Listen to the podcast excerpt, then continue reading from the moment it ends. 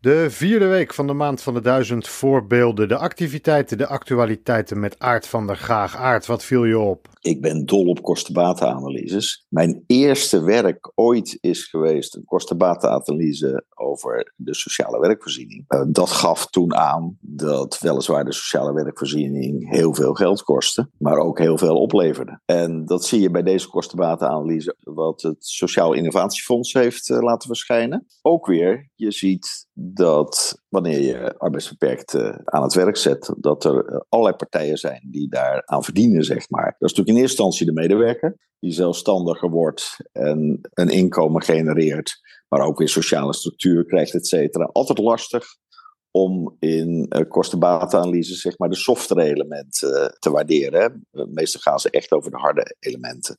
Maar vergeet vooral niet waar werk ook voor kan dienen. Gewoon om je uit een isolement te halen. Nou, de overheid die verdient er eigenlijk het, het allerbest aan. Want die stopt er weliswaar geld in. Maar die krijgt meer geld terug dan dat hij erin stopte. Ja, eigenlijk heel simpel. Uitkeringen houden op.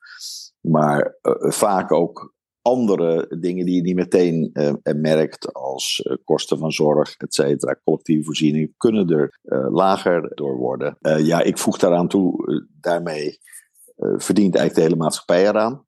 Er ontstaan ook minder risico's voor de, voor de maatschappij. Als mensen langdurig werkloos zijn, dan kunnen er ook andere vervelende dingen gebeuren.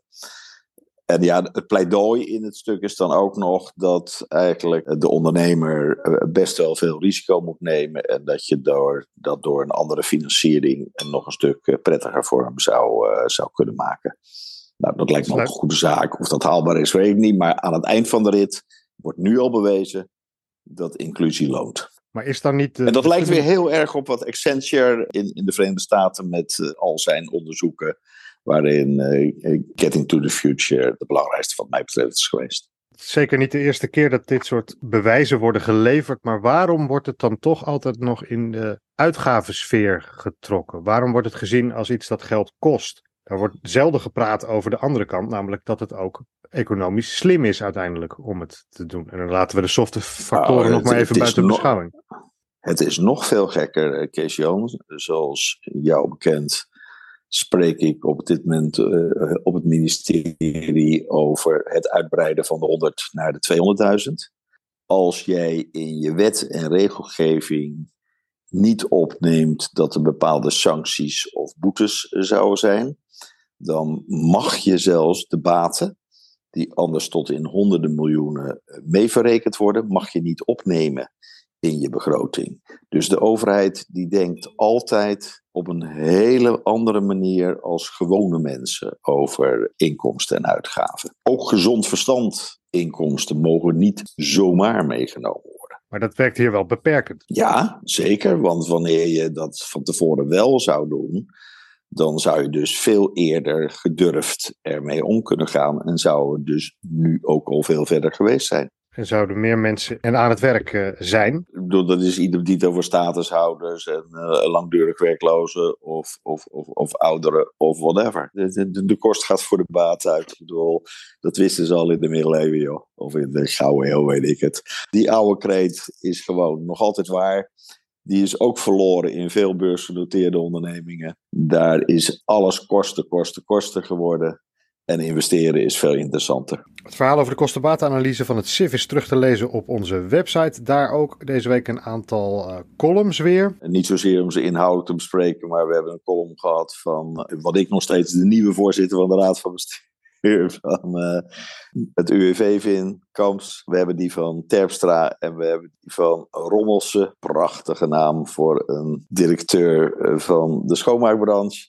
En ja, eigenlijk vind ik dat ze allemaal hetzelfde zeggen. Ik heb beseft dat ik eigenlijk nog nooit een negatieve column heb gelezen over eh, de banenafspraak, over inclusie eh, of wat dan ook. Er heeft nog niemand het in zijn hoofd gehad om te zeggen: joh, laten we daar nou eens mee ophouden.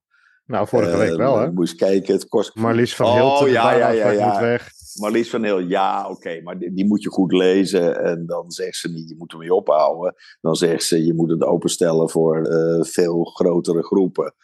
Uh, maar er, ik, ik, heb echt nog nooit iemand horen zeggen van, het levert niet op. Die medewerkers vallen allemaal hartstikke tegen. En als ik ondernemer was, zou ik het niet doen. Ik merkte wel een kritisch geluid bij Rob Rommelsen vandaan. Die zei, ja, we zouden er veel meer kunnen plaatsen. Ja. Als de bestanden verder open gingen en als bedrijven daar makkelijker bij konden. Ook een oude klacht, maar dat zou toch steeds aan het denken moeten zetten. Uh, wij zijn hartstikke trots op het feit uh, dat de aantallen nu uh, die het bedrijfsleven bereikt heeft, helemaal voldoen aan de targets. Maar zoals eerder gezegd, het had allemaal nog veel meer kunnen zijn. Het had allemaal nog veel meer kunnen zijn. Dat beeld rees ook een beetje op uit het uh, overzicht dat we deze week publiceerden over de politieke ontwikkelingen van, rond de banenafspraak tot nu toe. Was het even een trip down memory lane? Nou, ik, ik, ik, ik heb het met uh, groot ge en ongenoegen gelezen. Ik heb het met genoeg gelezen omdat ik eigenlijk wel hou van historische overzichten. En als die wat op een rijtje worden gezet. Alles kwam weer terug. Enigszins arrogant zeg ik, er, er stond voor mij niets nieuws in. Hè. Ik heb die hele periode meegemaakt. Ik ken uh, Klaas Salvada als een buitengewoon kritische man. Hij uh, kan dan ook mijn kritische zin weer, weer aanscherpen. Krijgt dan ook weer de pest in, dat is dus mijn ongenoegen. En dat heb ik al eerder gemeld.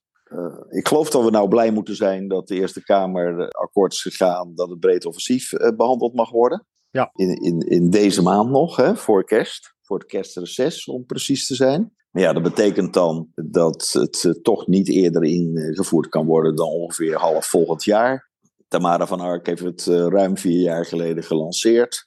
Er stond wel iets nieuws in achteraf, want hij zei dat in haar afscheidsinterview van die rol toen ze minister van VWS werd, dat ze dit toch uh, wel een van de echte items vond die ze bereikt had. Nou, ze kan ze nu straks misschien gaan scoren, maar ik denk ook dat bij haar er wat bittere glimlach zal, uh, zal zijn. Maar het is, uh, het is misschien uh, in de categorie iets is beter dan niets.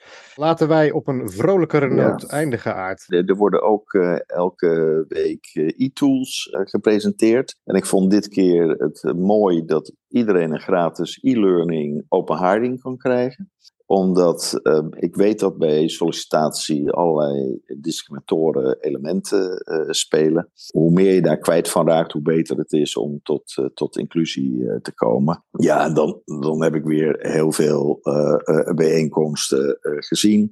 Waar ik binnen Nederland, Rijnland, Groningen, door het hele land heen. Ik heb weer vele prijzen uitgereikt zien worden. Ja, ik blijf dat leuk vinden, want waardering helpt.